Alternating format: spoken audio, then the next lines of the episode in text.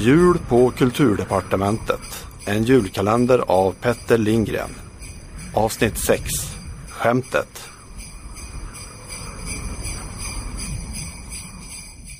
Vi måste för fan hitta på något snart, stönade kulturministern. Brainstorm, nu! Jag riggade faciten och beväpnade mig med en kopp Afrikakaffe. Sune slog sig ner under monstren. Kunde vi inte göra någon sån där internationell grej med poesi och Unesco och så? Kulturministern. Men, men var inte så jävla beige människa. Sune. Men kvalitetslitteraturen då? Som han utredaren skrev om. Kunde vi inte rädda han på något vis? Kulturministern. Ja tjena, vi stänger ner hundra kulturinstitut till. För dyrt.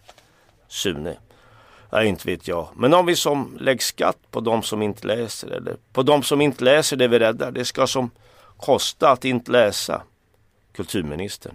Eh, stopp, eh, ta det där sista en gång till. Sune. Äsch, inte var det något annat än ett skämt. Kulturministern blev sittande med frånvarande blick. Sedan reste hon sig, störtade fram till fönstret, slet upp det och skrek för full hals. Det ska kosta att inte läsa!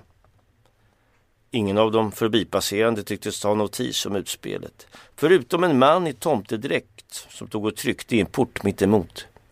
Tomtegubben tog upp ett litet block ur sin ficka och skrev något i det.